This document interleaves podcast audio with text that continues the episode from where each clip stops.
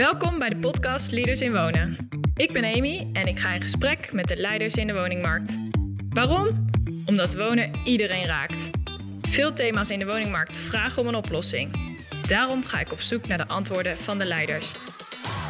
Bovendien wil ik deze mensen leren kennen. Wie zijn het eigenlijk en wat drijft ze? Deze podcast wordt mede mogelijk gemaakt door NAG, Calcasa en Hiargus.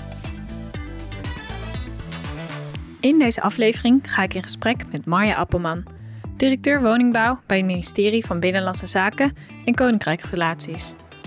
Marja is opgegroeid in Annapolona en heeft economie gestudeerd aan de Vrije Universiteit van Amsterdam. Zij startte haar carrière bij het ministerie van Economische Zaken.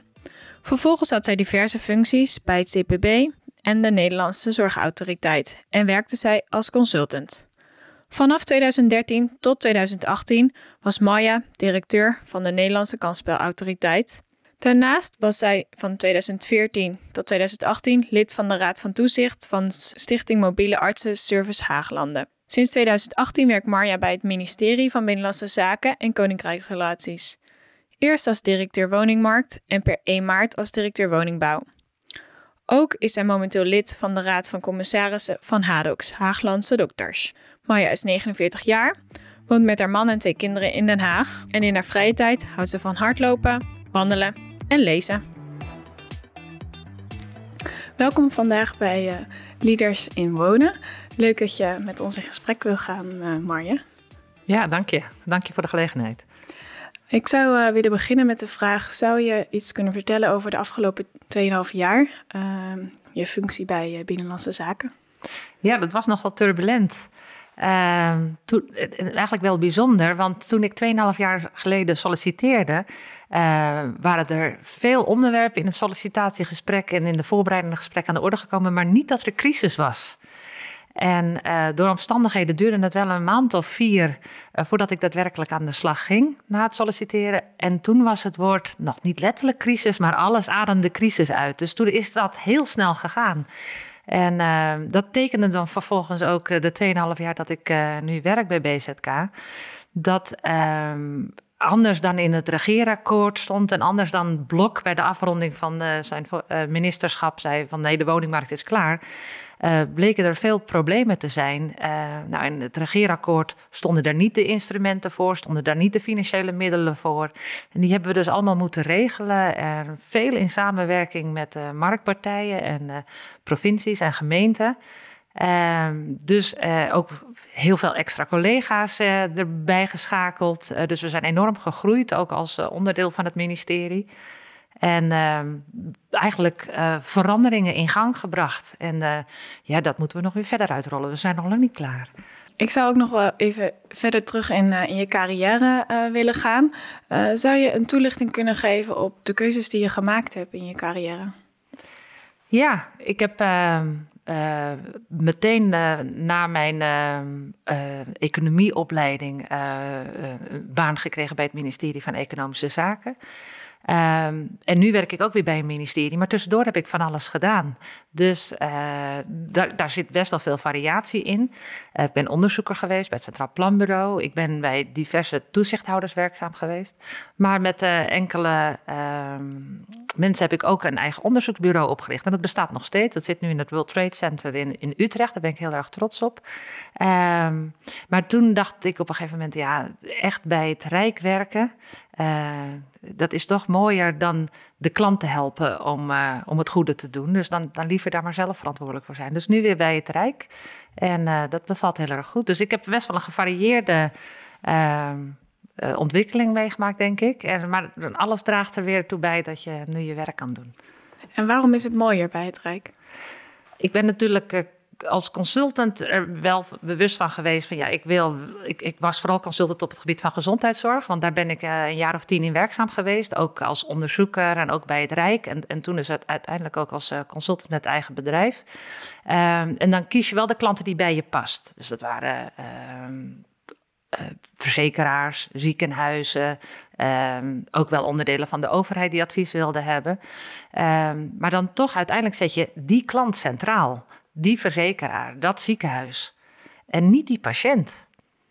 En dat miste ik. Terwijl als je uh, zelf in het ziekenhuis werkt uh, of je werkt bij een ministerie, dan, dan zet je echt die patiënt centraal. Van hoe, en bij ministerie is dan altijd de vraag hoe kunnen we het systeem beter laten werken, uh, zodat iedereen zich ervoor inzet.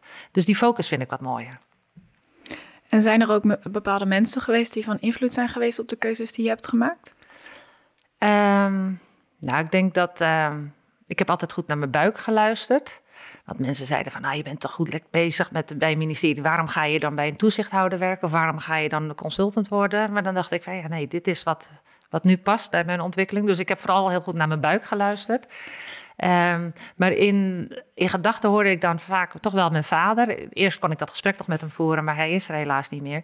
Maar mijn vader heeft uh, toch altijd wel gezegd: uh, uh, ja, blijf jezelf ontwikkelen. Blijf kritisch op jezelf, reflecteren. Um, en ja, doe, doe wat bij je past. Dus ja, steeds die stappen zetten die, die de uitdaging voor mij boden. Dan niet altijd de makkelijkste stappen zetten. Daar heeft hij me altijd voor aangemoedigd. En in wat voor omgeving ben je opgegroeid?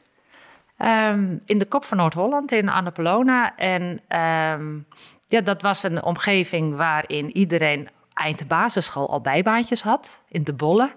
Um, waar je op de middelbare school uh, allemaal uh, 10 kilometer of meer moest fietsen om op die middelbare school te zijn. Dus dat geeft een beetje die mentaliteit aan. Werken en, en ja, gewoon niet met de trein of met de bus, maar fietsen. En um, dat was dus ook niet een academische omgeving. En uh, dan was het dus wel belangrijk dat mijn vader ook al zei: ja, jullie moeten wel gaan studeren, want jullie kunnen dat.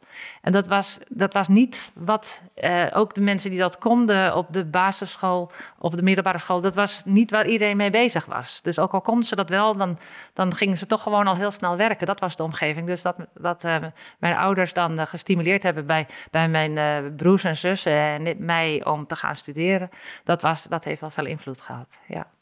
En welke normen en waarden heb je meegekregen vanuit huis? Ik ben de jongste van acht kinderen. En um, dan krijg je veel vrijheid. En dan zijn regels best wel in marmer gebeiteld. En uh, uh, dus, dus die combinatie van heel veel helderheid en daarbinnen heel veel vrijheid hebben, dat heeft uh, mij als kind, ja, dat, dat, vond ik heel fijn. Dus ik denk dat ik dat wel mee heb genomen in zowel hoe ik het nu in het gezin probeer te doen. Als hoe ik ook wel in mijn werk omga met vragen, stukken of met mensen. Welke rol zou de overheid moeten hebben volgens jou? Ja, per definitie heeft de rol, uh, is de rol van het Rijk om te zorgen dat het systeem goed werkt. Dat is een abstract begrip, maar dat gaat dan over het juridisch kader. kan iedereen zijn rol vervullen? Of is het zo dat je eh, met wet en regelgeving wat dingen moet beperken of juist verplicht moet stellen? En heeft iedereen wel voldoende middelen? Nou, dus uh, dus, dus ik, ik moet dan constateren nu met de woningmarkt dat het systeem niet goed werkt. We hebben een gigantisch woningtekort. we hebben echt hele hoge huren. De huizen zijn steeds duurder ook om te kopen.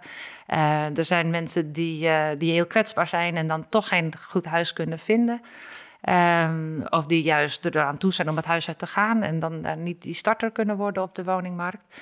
Dus dan, dan moeten we gaan kijken naar, hey, wet en regelgeving aanpassen. Dus dat, daar zijn we nu heel hard mee bezig. Om, we hebben net drie wetten door de Eerste Kamer gekregen, waarin is afgesproken dat hurig worden zich heel gematigd gaan ontwikkelen. Maar dat er ook, recent is afgesproken dat voor mensen die echt weinig geld hebben, dat de huren bij corporaties ook zelfs omlaag gaan. Uh, we hebben ook afgesproken dat uh, gemeenten kunnen zeggen: hey, we beschermen woningen tegen opkopen. Dus dat beleggers het niet kunnen opkopen. Uh, dat is wetgeving die al door de Tweede Kamer is. Dat gaat nog naar de Eerste Kamer toe. Dus zo probeer je dan uh, wat, wat randjes van de. Of, nou ja, echt wel, ik zeg randjes, maar dat zijn wel grote problemen op de woningmarkt. Uh, uh, die we hier en nu ervaren. probeer je dan nou ja, die problemen kleiner te maken. En ondertussen zijn we echt aan het zorgen dat het woningtekort wordt ingelopen. We zijn echt die woon, woningbouw aan het versnellen. Door daar afspraken over te maken met provincies, gemeenten. Dat plannen moeten sneller komen, de vergunningen moeten sneller geleverd worden, er moeten meer locaties worden vrijgemaakt.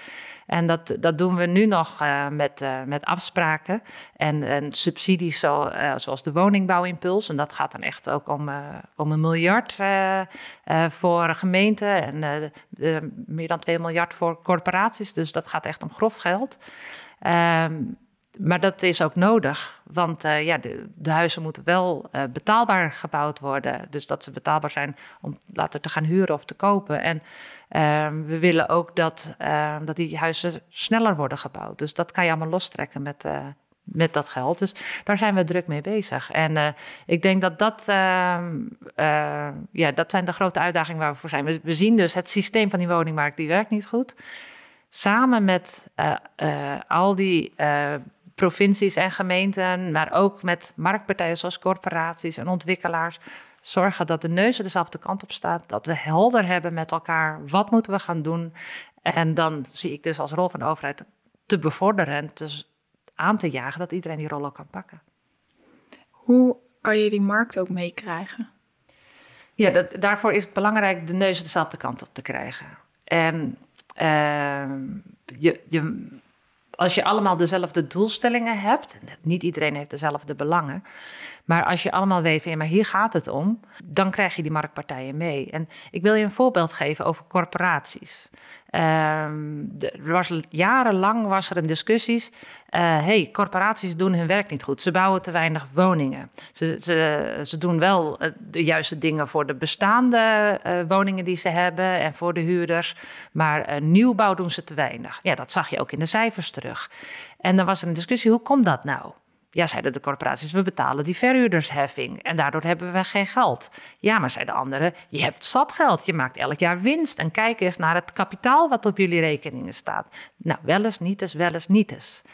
En uh, toen hebben wij onderzoek gedaan, dat is in de sector bekend als het onderzoek opgave middelen. Wat zijn nou de opgaven van de corporaties? Wat moeten ze doen om de huren betaalbaar te houden, om huizen te verduurzamen, om bij te bouwen?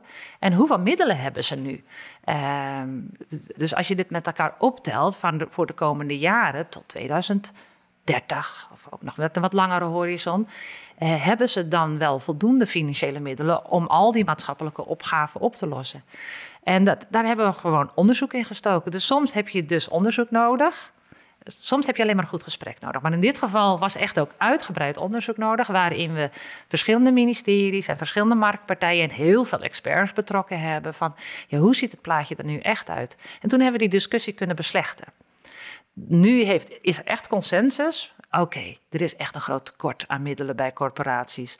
Uh, rond de 25 miljard. Als je alle opgaven en alle middelen tot, uh, tot 2030 ziet. En dat is zoveel geld dat bij de kabinetsformatie zullen er afspraken over moeten worden gemaakt.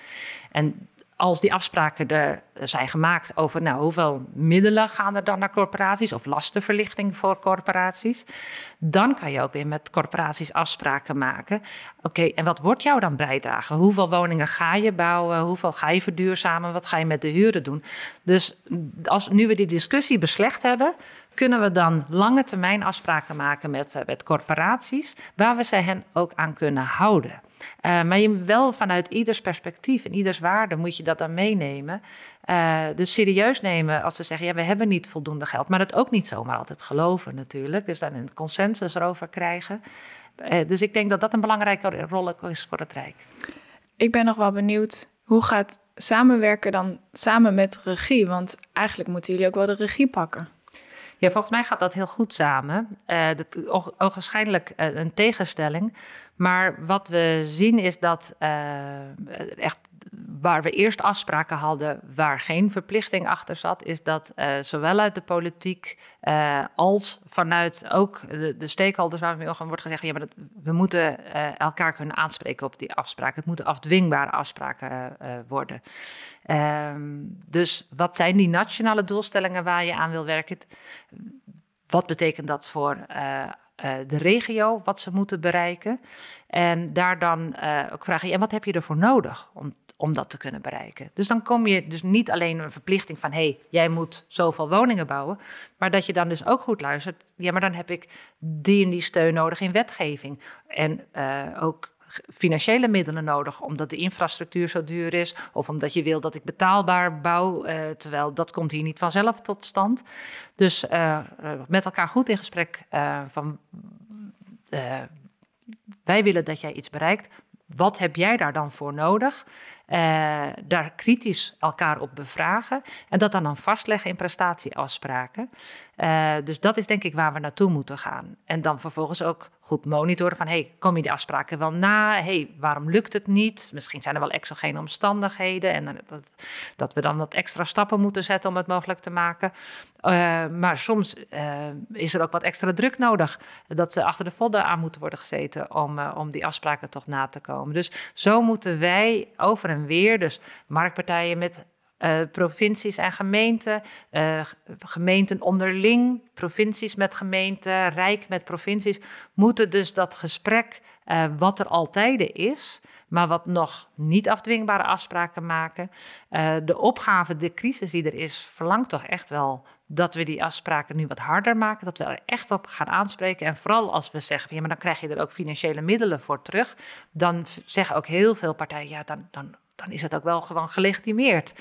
Uh, dat het harde afspraken wordt. Dus ik denk dat het heel goed samengaat. Dus uh, ieder de, de heldere doelstellingen geven, de vrijheid geven. Ja, hoe kom je er dan aan? En elkaar helpen om ieders rol te laten pakken. En zo gaan regie en uh, samenwerken volgens mij heel goed samen.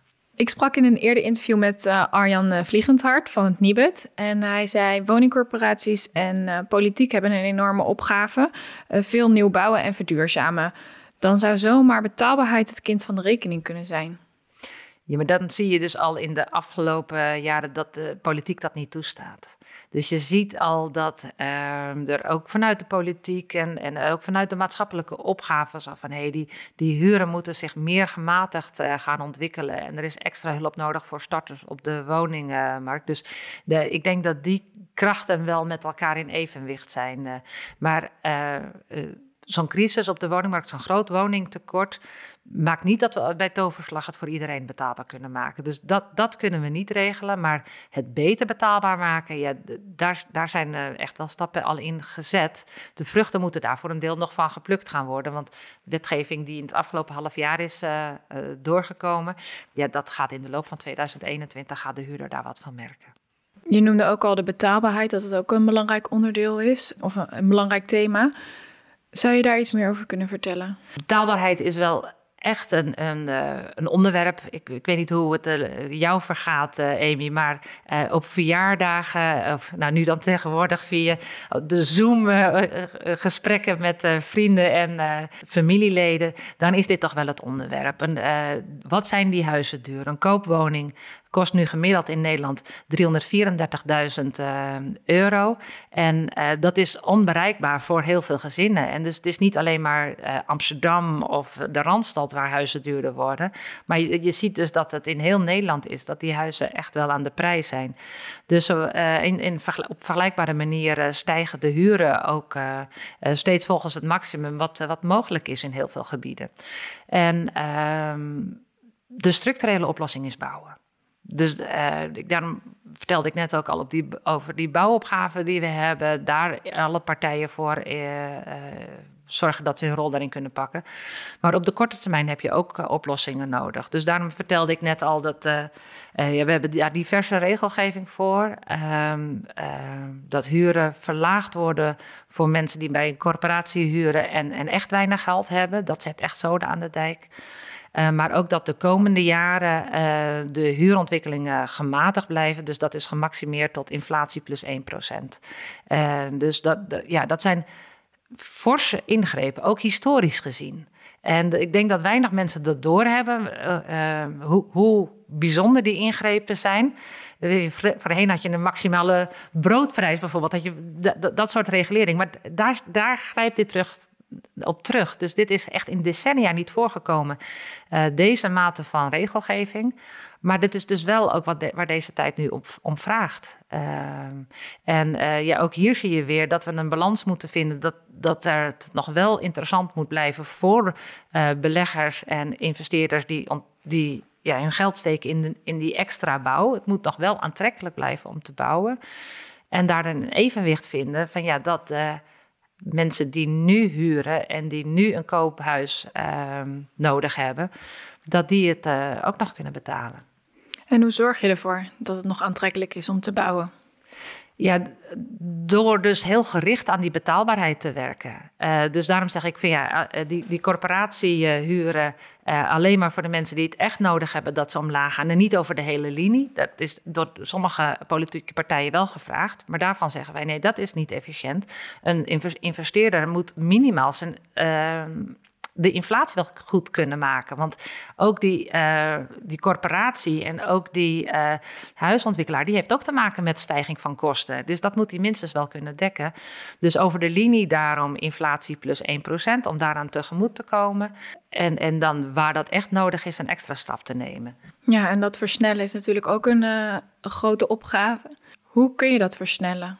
Hoe we dat doen is ehm, goede afspraken daarover maken. Daar zijn we in, mee begonnen uh, in de afgelopen kabinetsperiode door te zeggen: hey, die uh, woningbouwproductie die moet naar 75.000 per jaar. Dat was toen nog de verwachting op basis van de huishoudensontwikkelcijfers dat dat voldoende zou zijn. En dat hebben we vervolgens ook gehaald doordat we daar met z'n allen echt ons voor inzetten. Dus heldere doelen stellen. En uh, daarmee hebben we toen ook woondeals gemaakt uh, met uh, die regio's waar de noodzaak voor woningbouw het grootst was. Om nog voor specifieke locaties nog extra afspraken te maken. Van oké, dan ga je daar zoveel bouwen, dan ga je daar zoveel bouwen. En um, met dat inzicht van, hé, hey, wat is er lokaal nodig om die woningen ook te kunnen bouwen, konden we toen ook met recht zeggen uh, binnen het kabinet van, hé, hey, dat redden ze niet zonder geld. En dat is geld om, om die woningen betaalbaar te houden, maar heel vaak ook geld om die brug aan te leggen. Of om uh, die afslag van de snelweg aan te leggen. Dus de infrastructuur, daar is dan ook uh, voor woningbouw heel veel geld voor nodig. Uh, en dat zijn vaak de echte grote bedragen. Dus het bijzondere de afgelopen kabinetsperiode is dus dat we ook uh, meer dan 4 miljard hebben kunnen vrijmaken uh, voor, voor het subsidiëren van woningbouw en, en infrastructuur en stikstofoplossingen om die woningbouw te versnellen. Dus heldere nationale doelstellingen, vertalen ook naar afspraken met regio's, zorgen dat ze hun werk kunnen doen waar dat nodig is met uh, ondersteund door geld. Um, maar we zaten ook wel flink achter de broek. We hebben de plancapaciteit verplichtingen verhoogd naar 130 procent voor alle gemeentes, of sorry, voor alle provincies. Um, dus dat betekent dat ze voldoende locaties moeten aanwijzen, uh, dat die stroom van woningbouw aan de gang blijft. En heel veel uh, provincies zaten er eerlijk gezegd helemaal niet op te wachten. Die zeiden, ja, maar dat geldt niet voor ons. Of wij doen het anders. We hebben een andere methodiek. Uh, of uh, nou, volgens ons kloppen de cijfers niet die jullie hanteren. Dus je kwam best wel veel weerstand tegen? We kwamen best wel veel weerstand tegen. maar uiteindelijk met gewoon de feiten erbij halen. En ook weer heel veel gesprekken om te zorgen dat de neuzen dezelfde kant op kwamen. kwam er toch ook echt wel commitment op die 130 procent. Dus daar, dus, en dat commitment is nodig. En, en daardoor hebben we meer dan 50.000 uh, woningen aan extra plancapaciteiten losgekregen. En, en we zijn er nog niet. Dat moet nog verder groeien, want heel veel provincies zitten nu op 130% plancapaciteit, maar nog niet allemaal. Dus ja, daar blijven we op drukken. De opgave die we hebben voor het verduurzamen, wat is daarvoor nodig en waar, waar staan we eigenlijk nu? Ja, bij verduurzaming, uh, daar zie je dat uh, uh, vooral particuliere eigenaren nog een slag moeten maken. Uh, corporaties en, uh, zijn gestaag aan het investeren in, de, in verduurzaming. Hebben daar extra middelen voor nodig. Hè? Dat, daar gaf ik net dat voorbeeld ook op. Maar we hebben zo'n 4,5 miljoen koopwoningen in Nederland. En vooral in gebieden waar die eigenaren van die koopwoningen ehm, weinig geld hebben, zie je dat ze nog, nog achterstanden zijn in verduurzaming. Dus uh, zo ongeveer een derde van die koopwoningen is goed geïsoleerd. Uh, dus wij moeten de huiseigenaren helpen om, om ja, te zorgen dat al die koopwoningen goed geïsoleerd worden. Dus dat doen we met voorlichting. Samen met alle partijen in de keten van zo'n huis kopen, van hypotheekverstrekker tot makelaar en dat, dat ze goede voorlichting krijgen van hoe kan je je woning isoleren. We zijn aan het kijken hoe we de ruimte voor langdurige leningen of extra ruimte in hypotheken kunnen vergroten, uh, zodat, uh, zodat ze het ook kunnen financieren. En uh, we kijken ook of we, oh, ja, we hebben al bestaande subsidies voor isolatie en dergelijke. Dus nou, die, die blijven ook nog wel in stand. Dat zullen we ook meegeven aan de kabinetsformatie, dat dat belangrijk is. Ehm, dus ja, met subsidies, met zorgen dat die leningen of hypotheken mogelijk zijn en het ontzorgen eigenlijk ook van die woningeigenaren, hopen wij uh, dat, dat een stimulans te geven. En, en in sommige gebieden is dan nog wat extra nodig. Dat in de, in de gebieden bijvoorbeeld in Limburg of in Drenthe, waar uh, ja, heel veel huiseigenaren zeggen: Ja, maar mijn huis is het eigenlijk niet meer waard, hè? want hier is, hier is krimp. In de lange termijn gaan de bewoners er weg. Dus het rendeert niet ja, dan zien we dat het toch wel wenselijk is dat voor de kwaliteit van hun woning dat die isolatie gebeurt. En überhaupt ook misschien wel dat die renovatie uh, gebeurt. Want je wil ook dat die, dat die uh, dorpen leefbaar blijven. Dus daar hebben we dan ook nu het Volkshuisvestingsfonds voor de leefbaarheid van, uh, van die gebieden. En, dat kan ook naar, uh, naar stedelijke gebieden gaan, waar uh, veel kwetsbare mensen bij elkaar wonen, die dit soort investeringen niet kunnen doen. Dat ook zij meegaan op, op die, die verduurzaming. Dat doen we dan vooral op het gebied, van, vanuit het oogpunt van leefbaarheid. Dus dat is niet iets op zichzelf staand, maar dat je dat soort wijken, dat soort dorpen een, een extra stimulans geeft. En herstructurering, zou je daar iets meer over kunnen vertellen? Ja, dus dit gaat dan vaak samen met herstructurering. Dus dat voorbeeld wat ik, wat ik net vertelde, van in die, uh, die, dorpen die in krimpregio's of in die stedelijke gebieden waar veel kwetsbare mensen bij elkaar wonen, dan pakken we dat integraal aan. Dan zeggen we, ja, daar is leefbaarheid uh, en het centrale thema. En dan moet je kijken, wat heb je nodig? De huizen moeten van goede kwaliteit zijn. Dus als de huiseigenaren dat niet zelf kunnen uh, uh, financieren, dan, dan moeten we daar misschien een handje bij helpen. En daar ook verduurzaming gaat daarin samen mee. Maar misschien ook wel gewoon in, in de gebouwde omgeving. dus dat een plein opgeknapt wordt, dat er een extra speeltuin of een voetbalveldje komt. Uh, en je ziet dan dat gemeenten, en dat stimuleren we ook heel erg, dan zeggen van ja, oké, okay, we, gebruiken deze uh, financiering van het Rijk, want dat is in totaal 450 miljoen, dus we hebben het echt over serieus geld. Eh, gebruiken we niet alleen voor die woningen en die gebouwde omgeving. Maar we waren toch ook al bezig met onderwijs. We waren toch ook al bezig om de uh, maatschappelijke ondersteuning van die uh, gezinnen te verbeteren.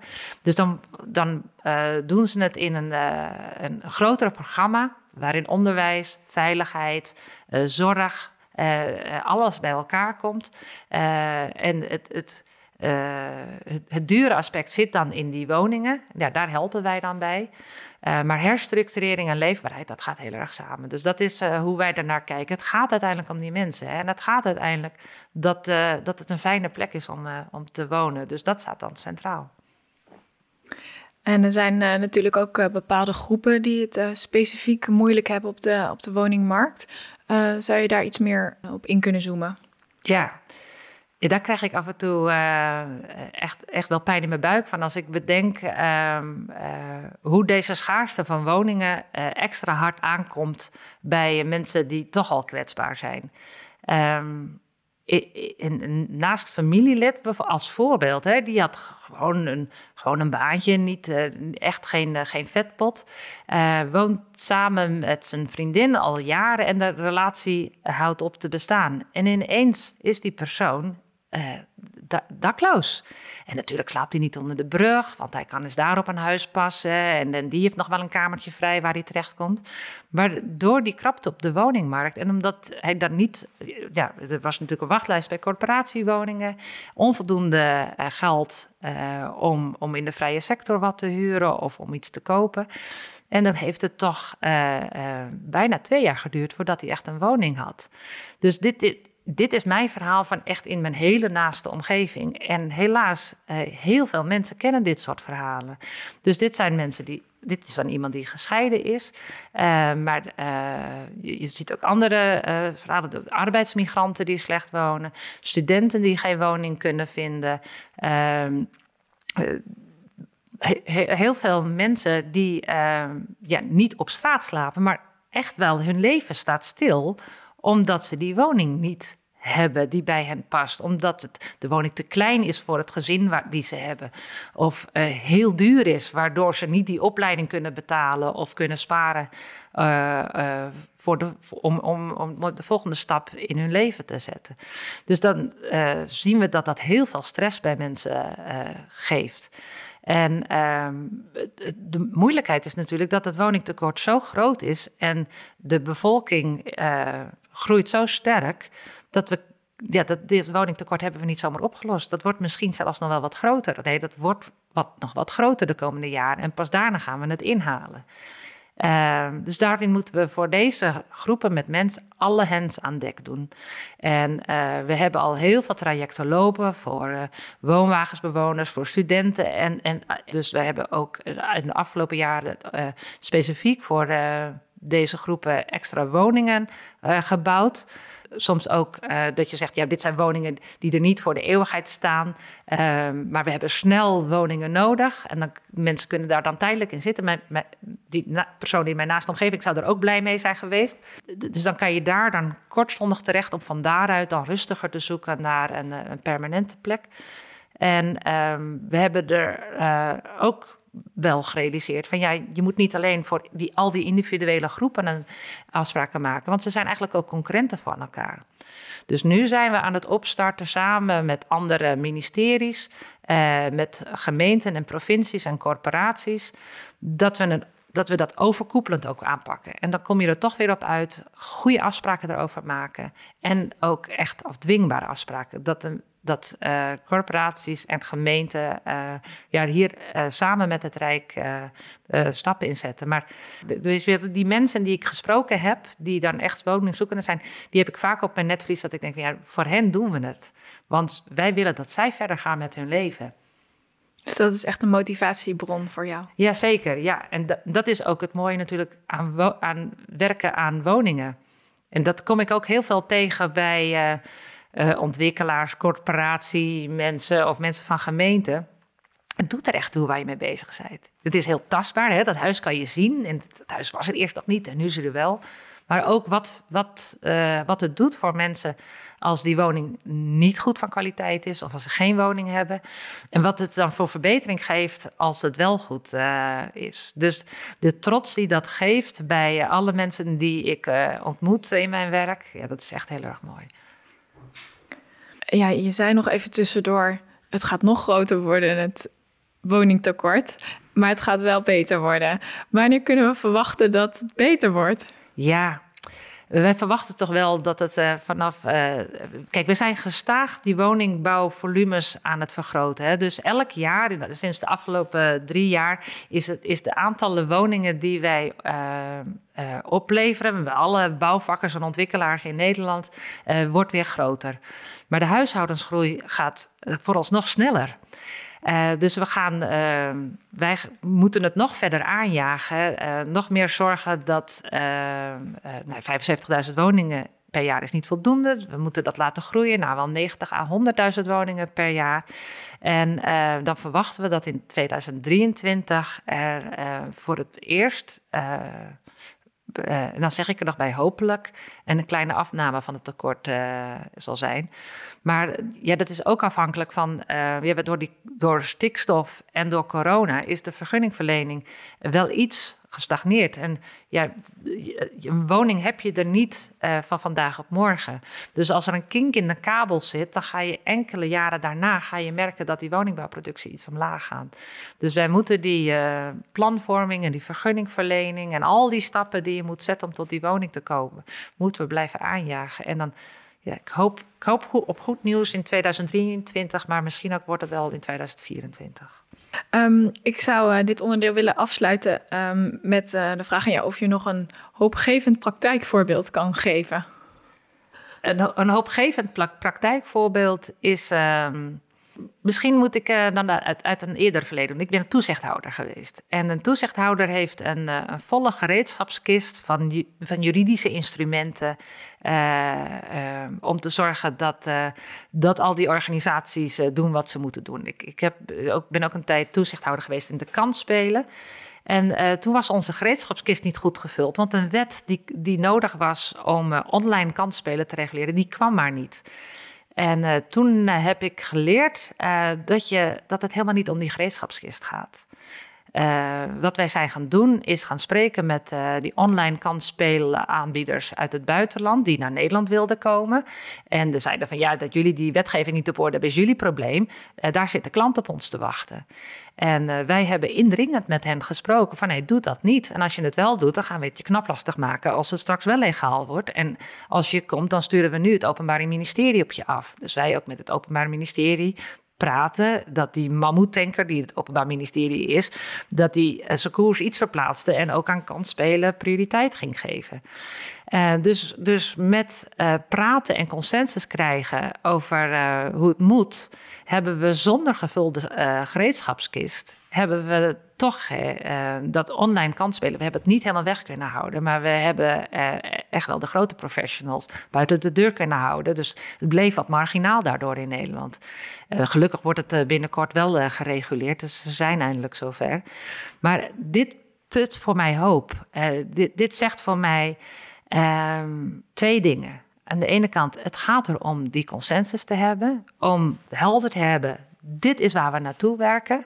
En dat is veel belangrijker dan, dan dat je als, als overheid uh, juiste juridische instrumentarium hebben. Dus uh, doe dat in gesprek met elkaar. Maar dat leert mij ook het omgekeerde.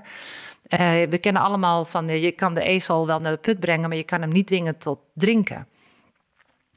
Als toezichthouder heb ik ook geleerd van ja, met die goed gevulde gereedschapskist alleen ben ik er niet. Ik moet ook echt consensus hebben over die doelstellingen. Want uh, het omgekeerde van mijn voorbeeld van net is dat zonder die consensus gaat zo'n ezel wel doen alsof hij drinkt. Maar drinkt hij helemaal niet echt. Staat hij daar een beetje te lummelen bij die, die waterput. Dus met dit voorbeeld in gedachten ben ik ook veel in gesprek met nou, met, met de burgers dus, uh, maar vooral ook met uh, ontwikkelaars, corporaties, uh, gemeenten, provincies. Dat er allemaal keihard aan gaan werken. We hadden het al over starters op de woningmarkt, heel kort. Ik ben wel benieuwd hoe je zelf ooit gestart bent op de woningmarkt.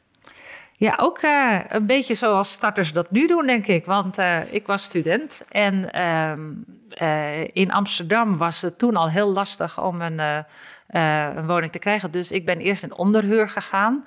En daar werd ik op een gegeven moment echt uitgezet. En uh, toen ben ik uh, dus ook op kamers gaan zitten, eventjes als iemand op vakantie was. dus ik ben zelf ook een beetje dolende geweest toen. En uiteindelijk zelfs naar mijn ouders teruggegaan. dat wil je Hoe was dat? Nee, ja. nee, dat wil je echt niet. Nou, gelukkig duurde dat nou, klein jaartje of zo. En, en toen had ik uiteindelijk iets gevonden waar ik echt langer kon blijven. Maar dat ging dus ook bepaald niet over rozen. En uh, dus uh, aan de ene kant relativeert het misschien iets van de problemen nu. Maar het, vervelende is, ik was toen wel een beetje een uitzondering. En nu gebeurt dit soort verhalen veel meer. Dus uh, ja, ik kan me er wel in verplaatsen. Die student die echt het huis uit wil. Of het is lang niet altijd een student. Maar iemand die denkt van ik wil starten, ik wil het huis uit. maar, maar ik moet wel zeggen, daarna ging het ook wel heel goed. Want ik kocht al op jonge leeftijd een, een koopwoning. Want dat had mijn, hadden mijn ouders geadviseerd. Van ja, dan ben je, uh, dan ben je binnen. Want dan, dan groeit het geld met je. En dat is, zie je dus nu ook wel, dat die starters een koopwoning voor als je met je eerste baan, dat lukt niet. Dat lukte mij dus wel destijds. En uh, dan groei je, ja, dan krijg je ook een wooncarrière. Dan kan je langzaam uh, vanuit je eerste kleinere woning, kan je later een grotere woning met, met tuin kopen. Dan, en uh, ja, die, die wooncarrière, die is nu heel, heel onbereikbaar voor uh, heel veel jonge mensen. Waar ben je het meeste trots op in je loopbaan en waarom? Ik denk wel dat voorbeeld wat ik net vertelde bij de kansspelautoriteit, dat je dan toch zo'n sector de goede kant op krijgt, alhoewel je gereedschapskist niet goed gevuld is. Uh, en dat, maar de trots zit ook in hoe, hoe het me dat zelf gevormd heeft. En um, waar ik nu wel trots op ben, is dat ehm, niet alleen ik, maar je ziet het steeds meer bij, uh, echt die opgaven centraal stellen. Wat, wat bij ambtenaren natuurlijk snel gebeurt, je bent bezig met wetten en, en pilots en ehm, eh, brieven naar de Kamer. En dan ga je dat centraal stellen. En niet de mens centraal stellen. En, en wat heeft het nou voor impact waar je mee bezig bent voor die koper van een huis of voor die huurder van een huis? En uh, waar ik wel trots op ben, is. Uh, uh, ik krijg het nu wel terug van medewerkers van ja, Marja, je hebt het altijd over de mens. En want ik maak er dan ook ik maak er een beetje een grapje van. Dan zeg ik mens, om het maar dat het maar gaat leven, dat ze het maar gaan onthouden. Het moet altijd over gaan over de impact. En dan zeg ik, ja, maar dit is ook het enige waar het over gaat. Het, uh, het boeit niet dat wij een succesvolle pilot hebben gehad. Het boeit echt helemaal niet dat wij een wet uh, door de Eerste Kamer hebben. Het gaat erom, wat heeft uh, die mens eraan? Dus, dus op die manier zorgen dat je, nou ja, in, in de directie waar ik leiding aan geef. maar binnen het ministerie hebben we er hebben we het er veel over met elkaar, dat dit is waar het om gaat. Uh, en op deze manier spreek ik er dan ook over, nou ja, met, met iedereen om me heen. En, en dat je dan merkt van, hé, hey, dat, dat slaat aan. Ja, daar ben ik wel trots op. Ja. En heb je tips voor mensen die willen bereiken wat jij hebt bereikt? Ja, nou, luister naar je buik, zoals ik net al zei. En uh, uh, daar blijf jezelf uitdagen. Uh, blijf jezelf ontwikkelen. Uh, als dat is wat je wil, hè, dit, dus, dit is mijn persoonlijke behoefte om mezelf te blijven ontwikkelen. En bij mij is het dan, zit het dan ook wel in het werk, omdat ik dat ook echt als persoonlijke ontwikkeling zie. Ik groei erdoor als persoon. Uh, maar dat kan natuurlijk ook gewoon zijn in de hobby's die je hebt. Of dat je denkt, ja, maar ik wil me ontwikkelen door veel meer in de natuur te zijn. Dus iedereen op zijn eigen manier. Uh, dus ehm, mijn tip aan iedereen is: uh, luister naar je buik en, en uh, hoe, hoe draag jij bij aan de ontwikkeling van jezelf en aan, voor je naaste omgeving? Begin daarmee en kijk vanuit daaruit naar eh, de maatschappij om je heen en, en wat, hoe kan je dan nog een steentje bijdragen daarbij? En hoe blijf je fysiek en mentaal fit? Ja, ik loop heel erg veel ik doe nu ook mee met de Ommetjes-app, die heel veel mensen op hun telefoon hebben. We hebben ook uh, daarin een, een competitie uh, op kantoor. Dat geeft ook wel wat luchtigheid uh, in alle videogesprekken die we hebben. Ehm, maar dat, ik was al lang al aan het lopen, dus ik heb die Ommetjes-app eigenlijk nauwelijks nodig. hele afstanden ehm, eventjes tijdens de lunch om, om toch even weer even te reflecteren of even te ontspannen en naar de vogeltjes te luisteren. Uh, maar ook hardlopen. Uh, dus uh, naast wandelen ook hardlopen. En ja, ik loop echt heel wat kilometers en daar word ik heel gelukkig van. En het enige jammer is dat mijn kinderen niet meelopen. Maar volgens mij is dat typisch iets voor kinderen. En hoe organiseer je de verhouding werk-privé? Nou, je bent samen een team hè, als gezin. En um, dus daar goede afspraken met elkaar over maken. Van hoe, hoe uh, dus uh, mijn man die houdt meer van koken dan ik, terwijl ik vind het prima om de was te doen. Nou, dan, maar dan moet je wel zorgen dat je dat ook waarmaakt. Dus je moet wel je teamplayer zijn natuurlijk thuis. En ehm, kinderen, eh, een beetje, ik geloof wel heel erg in Montessori. Ik wil hen vooral helpen dat ze dingen zelf kunnen doen. En dat, uh, daardoor hou ik tijd over om met hen gezellige dingen te doen. Uh, dus dat helpt ook wel uh, om, om, om energie te krijgen. En ehm, heel veel mensen in mijn vriendenkring, die doen helemaal niet dit soort dingen wat ik doe. Dus die relativeren de boel ook wel. Want een goede vriendin van mij, die, geeft, die is docent op, op een school waar, waar al die kinderen een rugzakje hebben. Ja, dat, dan, dan denk ik van, oh ja, dat, dat ambtenarengedoe waar ik mee bezig ben, dat is dan ook niet altijd het belangrijkste. Uh, dus dat, dat soort mensen om me heen die mij inspireren en met beide benen op de grond doen staan, dat, uh, ja, dat, uh, ja, dat helpt. ben ik nog iets vergeten te vragen wat je toch nog graag wil benoemen? Nou, wat ik wel leuk vind om te benoemen is dat ik heb een, met een groep mensen zijn we die, die niet altijd dezelfde ideeën hebben over uh, wonen en woningbouw, uh, zijn we uitgebreid met elkaar in gesprek gegaan uh, over hoe, hoe kunnen we nou samen verder komen? Want we staan soms tegenover elkaar. De een die zegt van hé, hey, qua betaalbaarheid moeten de huren lager en ehm, maar qua woningbouw moet je ze weer niet te laag doen, want anders rendeert de investering niet. En met elkaar leren hoe je dat gesprek moet voeren. En wat, waar we daarachter kwamen is van ja, je moet eigenlijk dus steeds een stapje terug van de waarom. Maar waarom wil je uh, uh, dat die huur omlaag gaat? Ja, ik wil dat mensen uh, gelijke kansen hebben en uh, dat het leefbaar wordt uh, voor die mensen. En dan dus door die, die, meer te kijken naar de waarden die, waar mensen mee zitten, kan je veel beter met elkaar in gesprek gaan. Dus ik kom toch weer uit op dat samen in gesprek gaan. En, en dan van daaruit weer opbouwen, teruggaan naar dat vraagstuk. En wat betekent dit dan voor het vraagstuk? Dus uh, de kwaliteit van het gesprek met elkaar voeren, uh, daar, uh, daar, hebben we in geïnvesteerd. en ook zelfs een, een, boekje over uitgebracht. Maar ik, ja, ik denk dat dat in deze sector echt nodig is. Niet omdat het in deze sector slechter gaat dan in andere sectoren. Ik denk, ik denk eerder dat er, dat er, dat er al veel goed gebeurt. Maar omdat we zo in crisis zijn en zo zoekende zijn naar de oplossing, moeten we uh, uh, met elkaar goed in gesprek gaan waar we denken dat we het niet met elkaar eens zijn. Want als we dan met teruggaan naar van ja, maar wat zijn je achterliggende drijfveren? Uh, wat zijn de waarden waar het echt om gaat?